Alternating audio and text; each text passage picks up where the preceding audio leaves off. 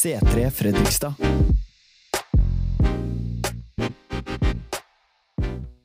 Så er dere klar for Guds ord?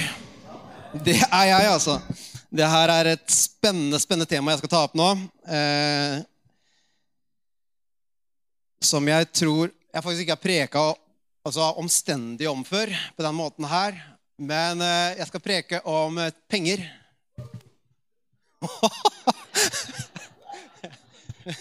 jeg skal preke om skal kristne gi tiende? Eh, tiende er jo For deg som ikke er kjent med det, så er det da noe man praktiserer i kristne kretser, eh, som har med 10% av inntekten At man gir det til kirken og det som har med Gud å gjøre. Eh, det er en veldig flott tradisjon som jeg syns er veldig verdt å ta opp. Eh, tiende er jo et touchy tema. og det er liksom sånn, eh, Rekk opp hånden som gir tiende. altså det, Jeg skal ikke gjøre det i dag. Jeg vet penger er et touchy tema, folkens. Det er det for meg, spesielt om dagen nå, med renter og hele pakka. Vi, vi, vi er der vi er stort sett i samme båt, hele gjengen her. Vi har de pengene vi har, og vi prøver så godt vi kan å gjøre det beste ut av dem. Og alle vil ha et bra liv. Det vil jeg, og det vil du, og det vil Gud. Ikke sant? Men jeg tror det er så viktig å ta opp de tingene her også, fordi penger det påvirker hverdagen vår veldig mye. Vi synger at vi gir alt til Jesus. Eh, men det her er en stor del av hjertet vårt, det her med penger også. Det er et stort rom i livet vårt som vi tenker på ganske ofte. Spesielt når det begynner å bygge, altså i slutten av måneden hvor ah, de regningene der, liksom. Åssen skal jeg få betalt det? Det går i hodet på oss.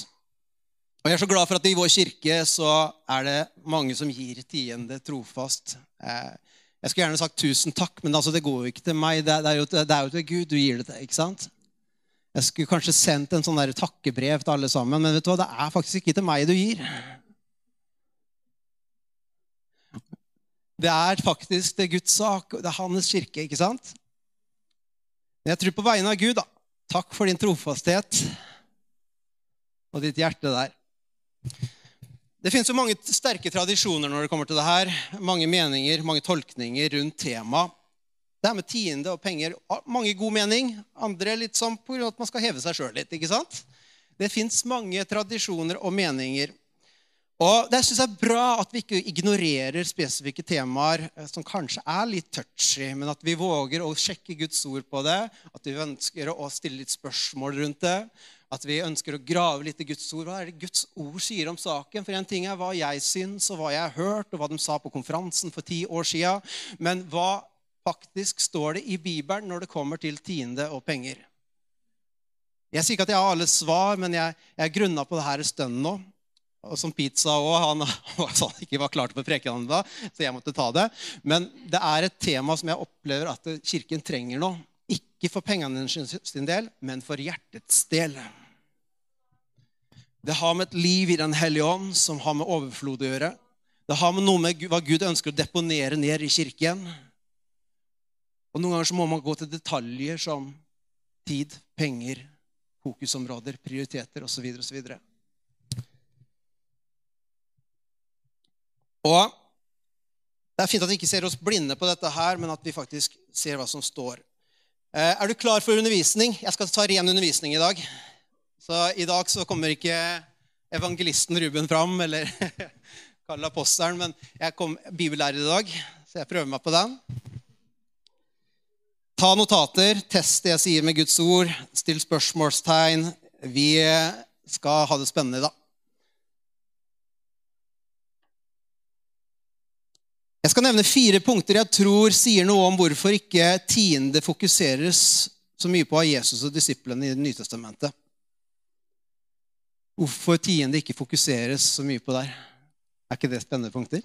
Fire punkter Altså, jeg burde sagt hvorfor man skal, skal gi tiende, ikke sant? men jeg, jeg vender det litt annerledes i dag. Hvorfor man ikke nødvendigvis må gi tiende. Nå kjente jeg Nei da. Der er gode nyheter, folkens. Hva er tiende en respons på? Punkt nummer én. Den første personen som ga tiende til Gud, var Abraham. Eller Abram, som han først het. I første Mosebok så står det vers 14, vers 20 Velsignet er Gud, den høyeste, som har gitt dine motstandere i din hånd. Så ga Abraham ham tiende alt. Han ga til Melkisedek, øverste, øverste presten. Altså Her var det en tiende som han ga ut fra en respons, som er punktet nå. Det er en respons. Abraham ga det ut fra en respons for at Gud hadde hjulpet dem i krigen og utsletta fire konger som kom imot dem. Han var takknemlig for at det her naila du, Gud. Bokstavelig talt. Han tok det og førte dem gjennom, og de vant. Og han ga 10% av alt sammen. Av krigsbyttet som han fikk.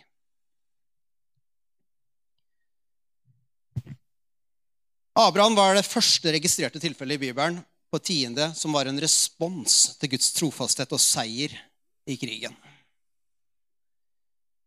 Så kom loven. Det var altså Moses som kom med loven, ikke sant? De ti bud og loven som det israelistiske folket skulle forholde seg til overfor Gud. Det var noen retningslinjer som skulle gjøre det litt lettere for dem å vite hva de skulle gjøre og ikke gjøre en oppskrift, rett og slett, på hvordan leve et gudsfryktig liv. Og også i GT, under loven, så, så ga folk tiende som en respons. Var også respons i Gamle Testamentet for å dekke over folkets synd, som krevde et offer fra Gud. All synd, all skyld, krever et offer et vederlag. Det kreves noe som kan dekke over det. Det kreves egentlig blod. Kreves for å dekke over skylden og synden. Og Gud krevde ikke det her fordi han var sint eller han trengte noe penger. Gud er ganske rik. Han, han, har nok penger. Så det var liksom ikke 'jeg trenger mer penger i kassa, så jeg, jeg får se hva jeg kan få ut av dem'. liksom. Da hadde jeg tatt 20 i og for seg, men altså Det var noe annet her, for hvem vet at Gud er en god Gud? Også i Gamle Testamentet. Gud er den samme i går, i dag og til evig tid. Gud er god. Så loven var ment for noe godt, ikke sant? Å gi dem loven var om offer var i Guds øyne faktisk en gave som han En slags nåde som han ga til folket. Nå skal jeg gi deg noen regler, gutten min. Fordi du, Sånn at du kan vite hva du skal gjøre og ikke gjøre. Istedenfor at du går deg vill hele tiden, så skal jeg, skal jeg være så snill og skrive det opp for deg. Sånn at du kan forholde deg til det her. Og hvis du gjør det, så skal du faktisk se at det er velsignelse i det. Og det kommer til å hjelpe deg Ta de tablettene her, ta de medisinene her, gjør den eh, treningsøkta her. Så kommer det til å gå bra, bra for deg. Men hvis ikke du gjør det, så går det ikke bra for deg. Det var sånn som loven var. ikke sant? Så det var en pappa som brydde seg nok til å gi noen regler til et folk, sånn at de skulle få det bra. Sagt på en enkel måte. Og det her burde jo egentlig være istedenfor at de skulle dø for sin synd så lot han heller et dyr få dø for dømmes synd. Er ikke det lettelse? Tenk deg hva de kunne være takknemlige for. At det, her slipper jeg å dø, men et dyr kan få lov, lov til å dø isteden. Jeg må ofre et dyr.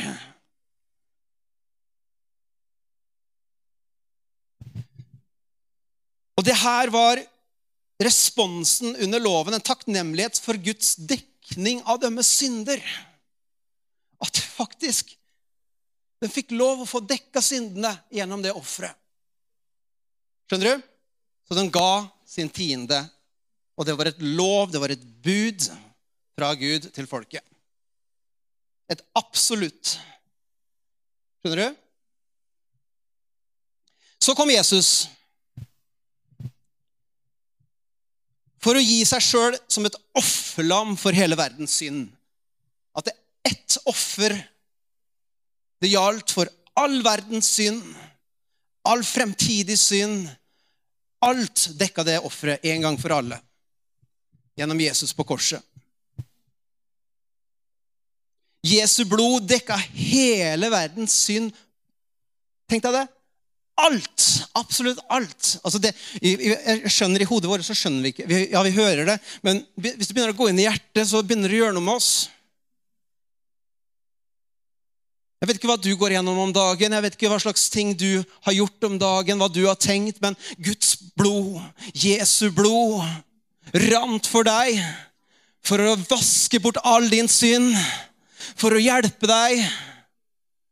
Stå i gapet for den, den distansen mellom deg og Gud. Jesus kom inn der som et offerlam.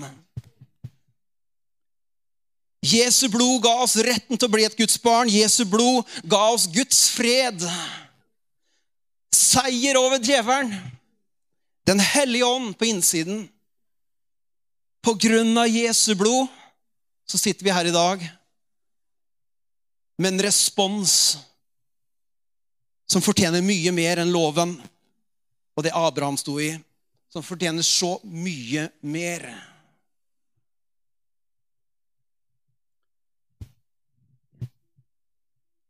Er du fortsatt der? Hva slags respons og takknemlighet og offer syns du Jesus fortjener? Skjønner du? Det er et spørsmålstegn som vi bør stille oss. For Syns vi ikke han fortjener så mye respons, så er det jo et eller annet der inne da, som har tatt vår lovsang og gitt det til noe annet. Hvor vi tilber noe annet mer enn Gud. Hvor vi har andre guder som fortjener våre penger, som fortjener vår tid mer enn Gud gjør.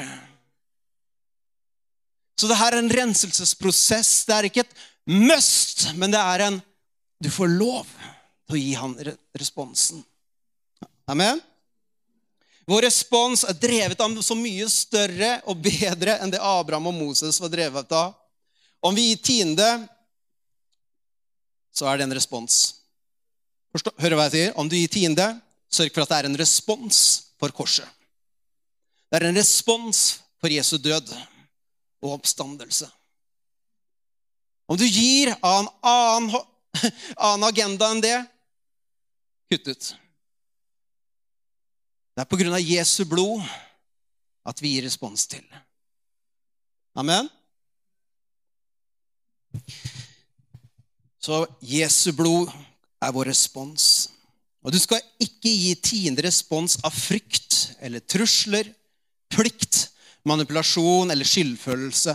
Føler du noe av de tinga der? Du skal ikke gi på det grunnlaget. Bibelen sier faktisk at du ikke skal gi av ulyst eller tvang. Så opplever du at noen prøver å tvinge deg eller spille på følelsene dine eller manipulere eller whatsoever, du skal ikke gi. Ikke så inn i kirker som holder på sånn. Det er ikke bibelsk.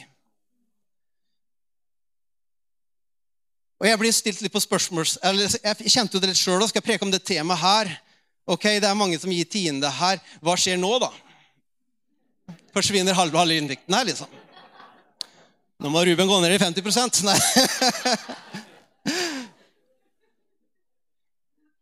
Men Helligånd visste meg en veldig viktig ting, tror jeg, og det er at det, Ruben, det her handler om et overflodsliv fra Den hellige ånd. Og du skal se at mennesker kommer til å bli så berørt av Den hellige ånd. Og Den hellige ånd får lov til å tale, men det er en renselsesprosess. Det her handler ikke om pengene, det handler om så mye viktigere. Gir du brutto, fortsett med det. Gi brutto, brutto, brutto. Altså, jeg vet ikke hvor langt du kan komme. men Forstår du, Det handler ikke om din flinkismentalitet. Det handler om hva som ligger bak det du gir. Vi elsker fordi han elsket oss først. Det er vår respons. Punkt nummer to. Er du fortsatt levende? Ja. Hva er hensikten med tiende? Hva er hensikten med tiende? Vi snakka om responsen akkurat. Hensikten med tienden, hva er det for noe? Første Mosebok 28. Denne steinen som jeg har reist som en støtte, skal være Guds hus. Av alt du gir meg, skal jeg gi tiende.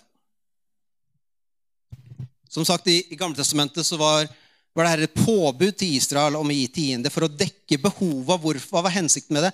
Dekke behova som fantes i selve tempelet, eller kirken, som vi kaller det.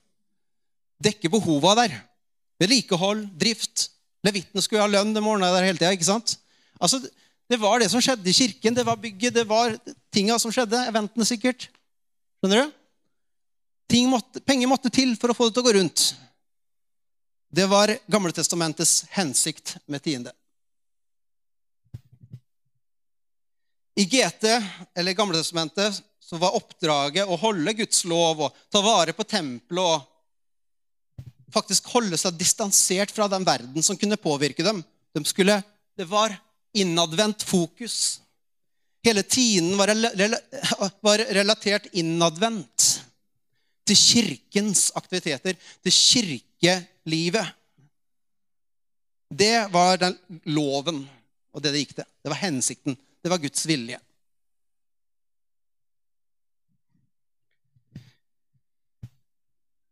I Nytestamentet så var hensikten å gi Hva er hensikten med, hvis du gir tiende? Det er misjonsbefalingen. Misjonsbefalingen er vår hensikt. Skal jeg si det igjen? Misjonsbefalingen, å gå ut med de gode nyhetene, det er hensikten med vår tiende. For det var det han sa til kirken før han dro opp til himmelen. At vi skal gå ut i all verden og forkynne evangeliet. Vi kan fort lese her fra Matteus 28. Gå derfor og gjør alle folkeslag til disipler. Døp dem i Faderens, Sønnen og Den hellige ånds navn, og lær dem å holde alt jeg befalte dere, og se, jeg med dere like, alle dager like inntil verdens ende. Markus 16, Gå ut i hele verden og forkynn evangeliet for alt som er skapt av Gud. Den som tror og blir døpt, skal bli frelst, men den som ikke tror, skal bli fordømt. Og disse tegnene skal følge dem som tror. I mitt navn skal de drive ut onde ånder, og, og, skal tale, og skal tale nye tungemål. Og de skal ta slanger i hendene. Om de drikker noe dødelig gift, skal de ikke skade dem. Og når de legger hendene på den syke, skal de bli friske. Frelse, helbredelse, befrielse. Kom on, kirken, gå. Det er det han sier. Her er min befaling til dere som kirke. Det her skal dere bruke energien på. Det her skal dere bruke pengene på. Det her er formålet, hensikten, med det dere gir. Og Så står det 'lave disipler', men så ergo så kirken er til for å utruste troende til å gå ut. Det er derfor vi er her. Ikke for å fortsette å være, ha det hyggelig, men for å bli utrusta og bli, bli, moden nok til å ta hånd om andre og se andre og bringe Jesus og den gode nyheten inn der til en verden som går fortapt. Det er en sånn kirke jeg ville være med på, sånn som Jesus ville at vi skulle være. Og det tror jeg du vil òg. Og det er det verdt å gi til. Det er hensikten med vår, vår tiende. Gi inn i kirker som gjør misjonsbefalingen, som har et tydelig fokus på misjonsbefalingen. Gi inn i en sånn kirke. Hvis det er din lokale kirke, gi så inn i det Jesus sier at du skal så inn til. Som har med misjonsbefalingen å gjøre. Ja, en visjon av kirken. Det burde vært Jesus' sin visjon. skjønner du? Hvis det er en Guds kirke, så er det hans visjon. Ikke en Setre-visjon, ikke en Sion-visjon. Norske kirkes visjon. Det er Guds visjon om å nå en verden. Gi inn i kirker som disippelgjør troende til å bringe evangeliet videre til en verden utafor kirkebygget også. Gi til kirker som trenger penger, mer penger, mer og mer penger til å utbre evangeliet. Fordi vi har så mye av oss som vil ut, og til det trengs det penger. Gi penger til kirker som trenger penger for å gi evangeliet.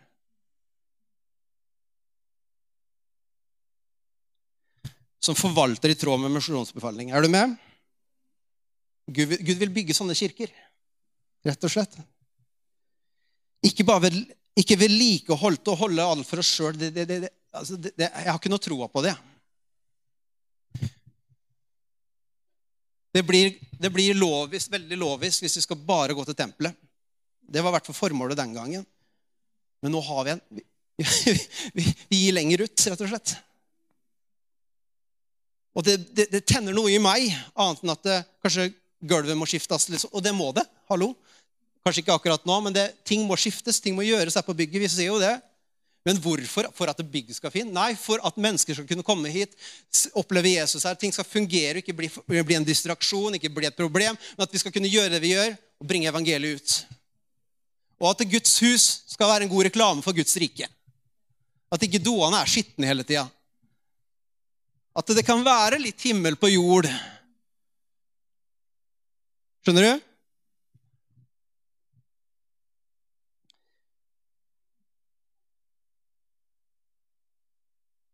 Kirken skal ikke ha nok penger til å dekke, dekke kirkekaffen, liksom.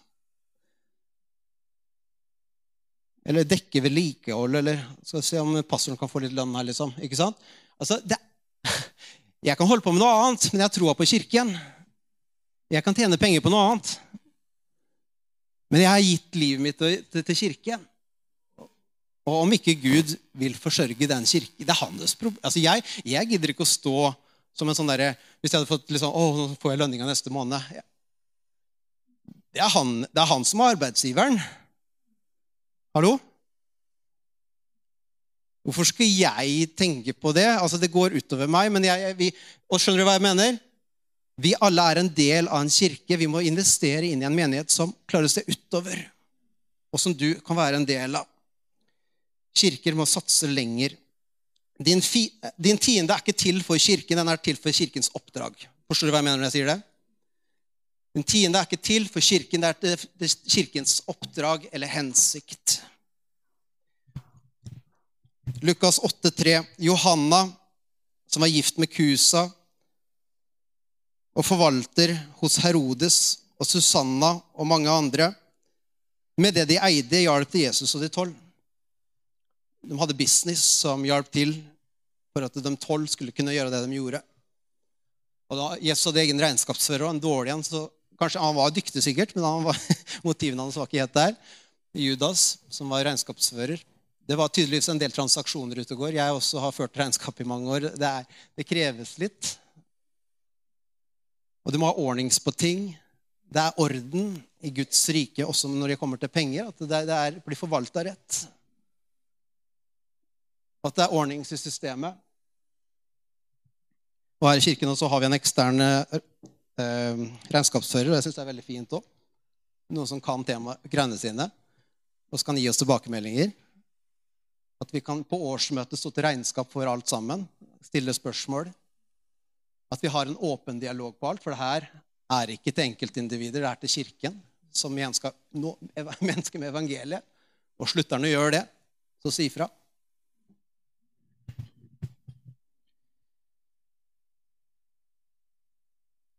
I 1. Korinterbrev 9.: Når vi har sådd det åndelige, altså evangeliet, blant dere, er det da for mye at vi får høsta det materielle, sier Paulus. Du vet, Folk skal ha Guds ord, men å gi, det skal man ikke. Men det kreves penger også. Er det for mye å høste av det materielle? Det her går hånd i hånd. Det åndelige og alt det her, det er hjertet vårt. Vi gir en respons tilbake. Hallo? Kommer det noen gjesteforkynnere her, så skal vi være kjent for en ting å være rause. Forlate familien sin og skrive en preken er ikke en, er ikke en sånn ting, selv om du er, selv er garva på det. Det tar tid. Det tar bønn. Det er mennesker som investerer livet sitt for å kunne gi Guds ord videre. Det er verdt mer enn en liten ja, tålelig firer eh, på skalaen i dag, liksom. Terningkast fire. Jeg tåler greit. Skjønner du hva jeg mener? Vi er her for å backe opp det som fremmer evangeliet. 1. Timoteus 5, 17 også. Eldste som er gode ledere i menigheten, fortjener dobbel belønning, særlig de som arbeider med forkynnelse og undervisning. For Skriften sier du skal, du skal ikke sette mulebånd på en okse som tresker. Arbeiderne er, sin verdt, er, sin, er verdt sin lønn. Ja. Så det er ting som på en måte bekrefter da, at det her har med penger å gjøre også. Evangeliets framgang. Og at vi som kirke, inklusive meg sjøl, skal så inn i det. En tjeners mål er ikke penger, men en, men en tjeners mål er rett og slett å kunne Det er at man trenger penger for å kunne tjene, for å gi evangeliet. Punkt nummer tre. Eh, hvilken lov er tienden bundet til? Skal følge tida her. Hvilken lov er tienden bundet til? Vi har snakka om eh, respons, vi har snakka om hensikt, og nå skal jeg snakke om hvilken lov er tienden som man eventuelt gir, bundet til. Er det en lov som tilsier at du skal gjøre det? Svaret er ja, selv nå. Jødene er bundet til tre typer fiender under loven i Gamletestamentet. Ikke bare én, men tre fiender. Den ene står i, står i 4. Eh, Mosebok 1821. Det er tiende til å finansiere tjenesten, tjenesten til levittprestene, som var liksom de som ordna i kirken alt det vi har snakka om her. ikke sant? Alt som foregår i huset. Og det er der vi liksom kjenner oss igjen. Vi gir tiende til kirka. ikke sant? Alt det som skjer, og bla, bla, bla. Ikke sant? Andre tienden var å finansiere festivaler med fellesskap og feiring. Hvor de kom og feira og spiste sammen. Og, altså det var liksom, Du skulle finansiere tienden inn i festival. Tenk deg de festene. Wow! 10% av inntekta til fest og moro. Der snakker vi. Snakk om leir, da.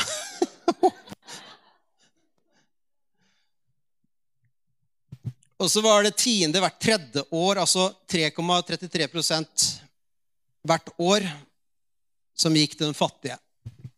Altså var det 23,3% hvert år som gikk til kalle tiendeformål.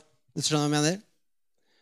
Så hvis du er hooka opp på 10% så burde du egentlig oppgradert det til 23,3 for det er riktig følge loven. Ironisk nok så er det mange som fortsatt er bundet til den tiende loven at man skal gi 10% Men det blir nok litt for mye lov kanskje, når jeg tar med de to andre. Du? Så selv for den loviske så blir det litt for mye lov noen ganger. Så man må være sånn halvlovisk for å gi tiende. Nei, jeg bare tuller.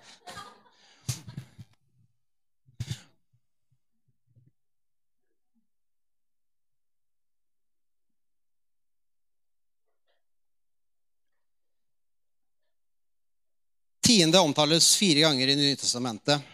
Og jeg, er, jeg skal ikke lese alt, for det er ganske mye her, men det handler om eh, det ene burde gjøres, og andre ikke forsømmes. Og da snakker Jesus om at det, det ene står i Matteus 23, 23. Det kan man slå opp hjemme. Lukas 11, 42. Lukas 18, 11-12. Og Hebreerne 7, 5-6. Her står det omtalt tiende i Nytestamentet. Og vi er kjent med den versa på noen måter. Og Her står det bl.a. mye om de skriftlærde. Eksempel, den ene her da kan lese. Ved dere skriftlærere og fariseere, dere hyklere, dere gir tiende av mynte og anis og karve, men forsømmer det som veier mer i loven, rettferdighet, barmhjertighet og troskap.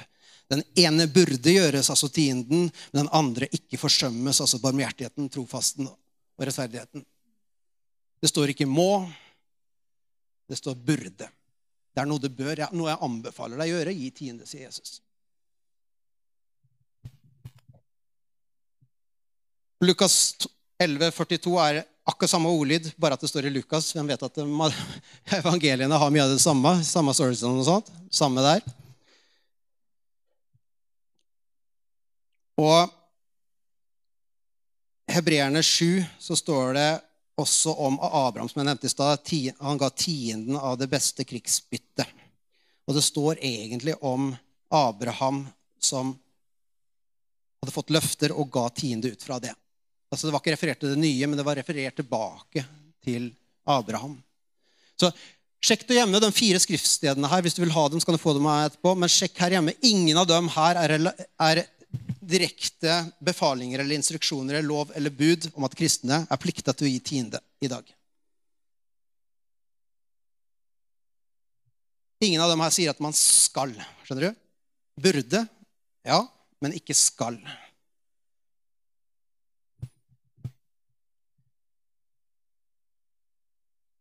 Selv om 10 var og er en velsignelse, så er ingen av dem her som Ingen skal få lov til å si at du må. Hvis ikke du gjør det, så er du ikke velsigna. Hvis ikke du gjør det her, så er du en dårligere kristen. Hvis ikke du gjør det her, så kommer Gud med forbannelse over deg. Skjønner du hva jeg mener? Man har hørt det her, man har hørt ordlyden av det. Men det er ikke i tråd med Skriftene sjøl, sånn som jeg tolker det og har lest gjennom mange uker nå også. Det, det, det er noe som ikke stemmer her. Det virker nesten som om mange kirker ønsker å ha penger mer. og du? Det er nåde på veldig mange områder, men her kommer loven inn. Loven kommer inn på områdene hvor man kan få mest sjøl. Og det er manipulasjon.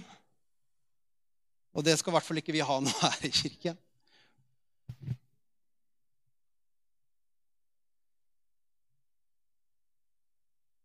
Og jeg tror at det er En av grunnene til at Jesus fokuserte så lite på tiende, eller egentlig ikke sa at vi skulle gi tiende, det var at han heller fokuserte på å gjøre disipler. Det var det han sa. Gjør disipler. Disipler som ikke bare gjør fordi man må, fordi man har en plikt, men som er som Jesus. Som kjenner sjenerøsiteten sjøl. For den som er med Jesus, blir som Jesus. Så når Jesus gjør disipler, så gjør han også mennesker til givere. Fordi han er en giver. Fordi kjærligheten på gresk har med å gi å gjøre. Så sjenerøsiteten er en frukt av din relasjon med Jesus. Å være sammen med ham, det skaper sjenerøsitet. Å være full av Den hellige ånd gjør at man blir sjenerøs. Se på fulle folket på byen. Den spanderer på alle, glad i alle. Er du full av Jesus, så blir du raus. Og du begynner å bli glad i folk som du egentlig er irritert over før.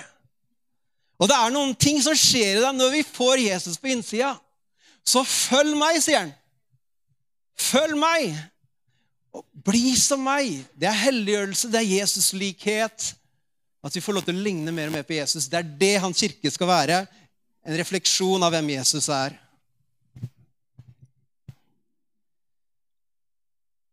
Så loven i tiende savner preg av disippelgjøring og Jesuslikhet. Det var plikt.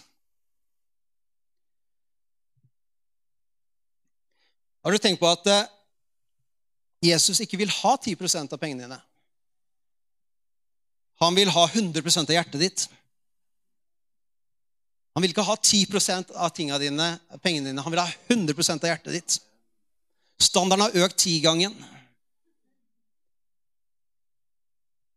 Å elske Gud er å holde Hans bud, står det i 1. Johannes 5,3 i Nytestamentet.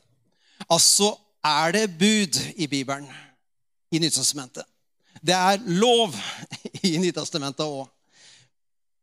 Og som troende så betyr det å elske Gud det samme som å holde budet og loven.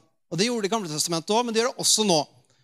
Så har vi en lov nå. Er vi under loven nå? Er, har vi bud nå? Eller er det fritt fram?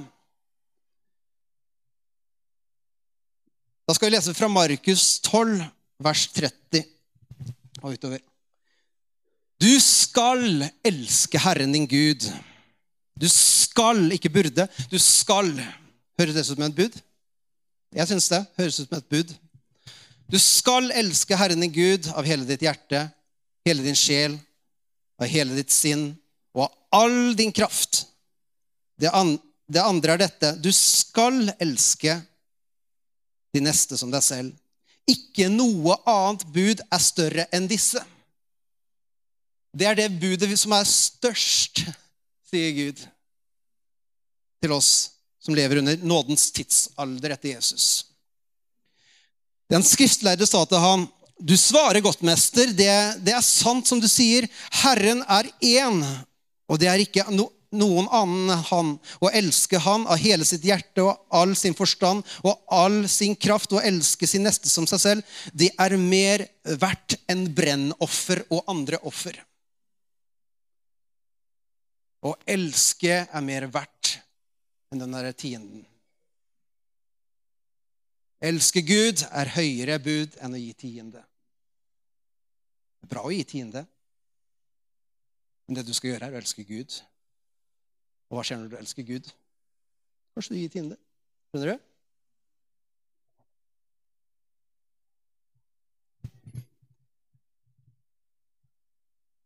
Det er ganske bra, det her.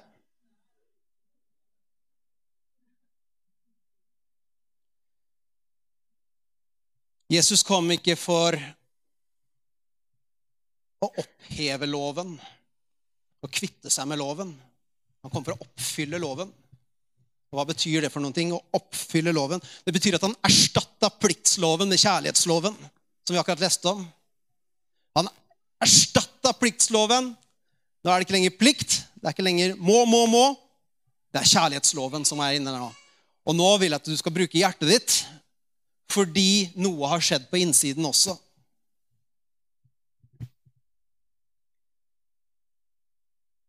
Dette var kun en smakebit på den velsignelsen som kom fra Jesus, det som var i loven.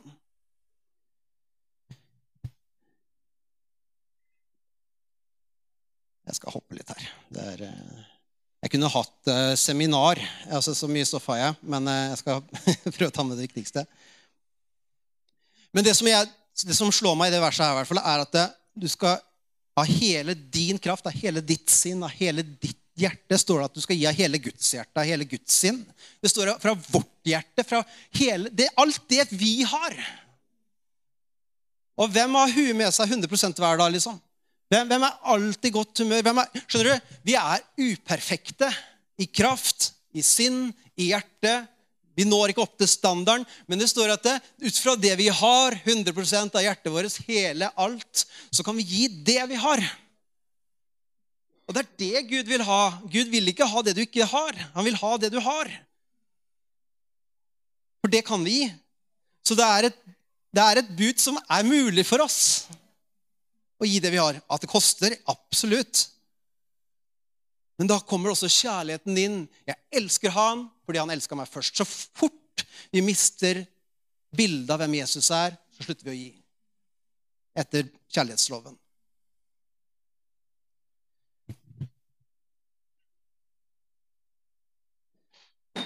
Og Vi har jo flere eksempler i Bibelen som, som handler om også, også, også det her. Eh, eksempel eh, disiplene som hadde alt felles, solgte eiendommene sine og alt det de ellers eide, og delte ut til hver enkelt som trengte det. Du ser også i Bibelen i Nytestamentet om at de ga inn til tempelet og måtte si stopp, for nå hadde de fått altfor mye. liksom. Det, det, det er snakk om sjenerøsitet her som er så enorm.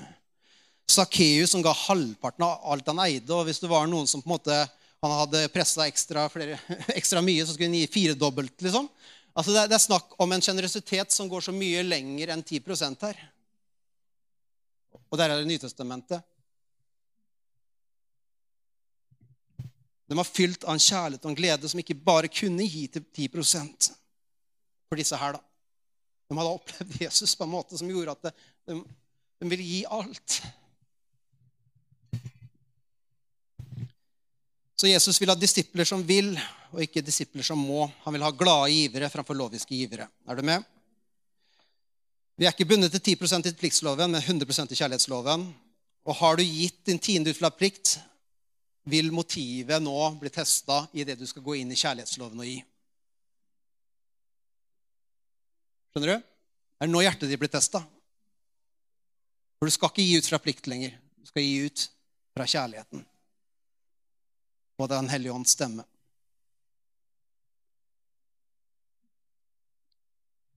Siste punktet før vi runder av, det er hvem er herre over tienden? Hvem er herre over det vi gjør, det vi gir? Hvem er det som bestemmer hvor mye du skal gi? Hvem er det som bestemmer? Om ikke tiende er loven akkurat nå, at du skal gi 10% hvor mye skal du gi, da? Hvem er det som bestemmer det? Vil du høre? Det er Gud, sier du. For det er det som er svaret på alt. Ja, ferdig med punktet, liksom. Men eh, om ikke vi er bundet til en lov, så er det en lov allikevel. Det er kjærlighetsloven. Men prosenten er borte, så hva, hva gjelder nå? Er det økonomiske situasjonen vår? Er det regningene? Er det rentenivå? Er det følelsene man kommer inn i bygget, bygget her med? Er det kollekttalen? Eller er det øremerkinga av kollekttalen? Vi trenger ikke penger til ny skjerm. Vi trenger penger til Nei, skjønner du? Hva er det som avgjør hvor mye vi skal gi? Er det impulser? Er det humør? Det kan være så mangt. Jeg, jeg gir litt på impulser, jeg òg. Jeg gjør det. Men hva er det som avgjør hva vi skal gi? Under den gamle pakt så ble ikke faktisk israelittene ble ikke fylt med Den hellige ånd. Husk på, Den hellige ånd hadde ikke kommet. De hadde ikke Den hellige ånd boende på innsiden ved troen i deres hjerte. De hadde loven. Så heldigvis for dem så hadde de loven. Da hadde i hvert fall noen som snakka til dem. Men vi har fått Den hellige ånd. De hadde ingen indre innskytelse, tilskyndelse fra Den hellige ånd som motiverte dem til å gi. Men det har vi fått.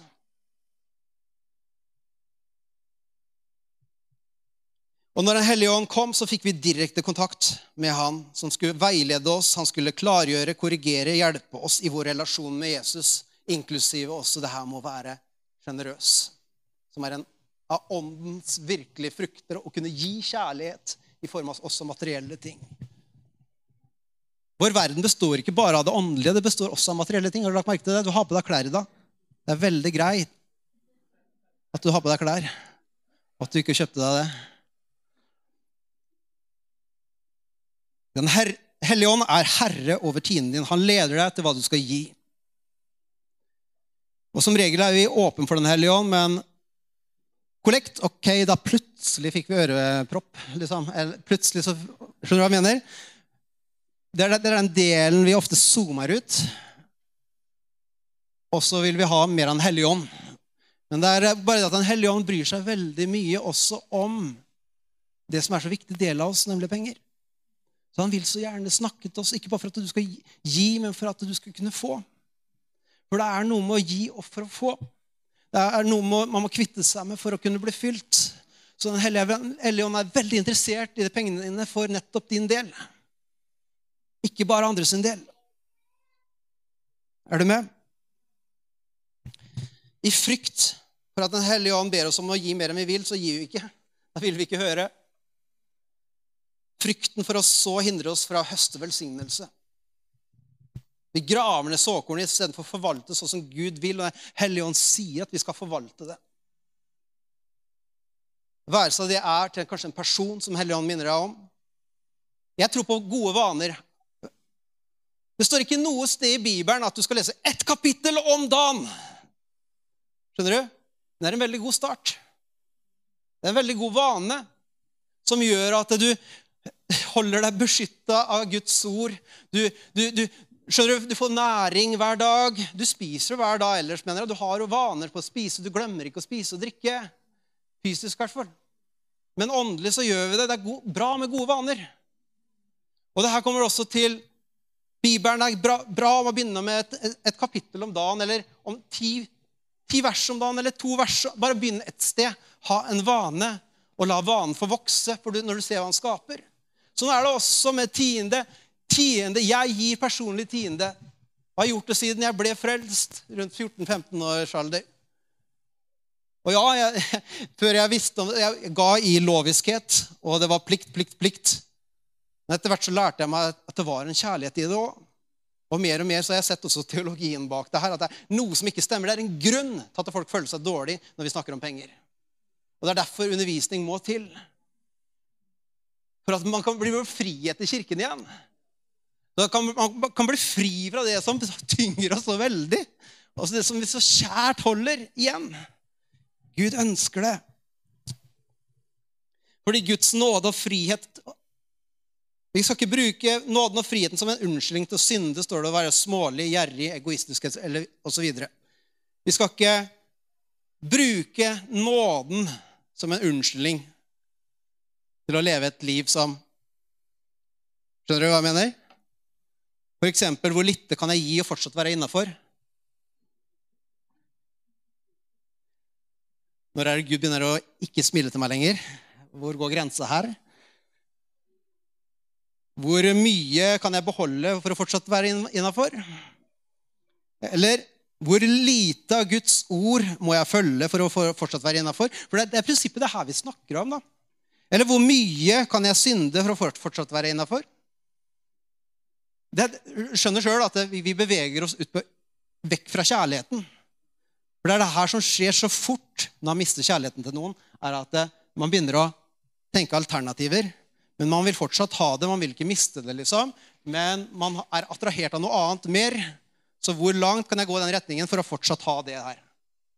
Og det har med hjerteholdninga til Gud å gjøre, og sånn er det også med pengene våre.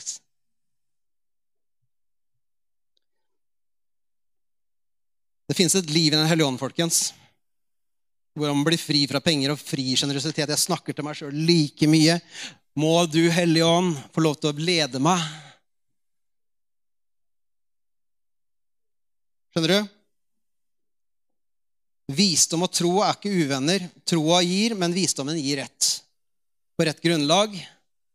Du skal ikke gi til alt. Bare at noen spør om det, skal du ikke gi til det. Man skal ikke være naiv. Det fins en visdom. Men ånd og tro sier at det, 'ja, jeg er villig til å gi'. Men her er det noe som skurrer. Skjønner du? Det er, det er dårlige ord. Det er et eller annet som på en måte, skjønner du, noe som ikke er bibelsk her. Noe som ikke er fra Gud. Så det her vil jeg ikke så inn i. Men man må ha en ånd av tro, av villighet til å gi. Hvis ikke så er det noe rart. Er det et eller annet her i hjertet som trengs å gjøres opp. Villigheten skal være der. Jeg gir 10% av inntekten min først. Jeg har tro på noe som heter førstegrøde, og gi det første og ikke det siste.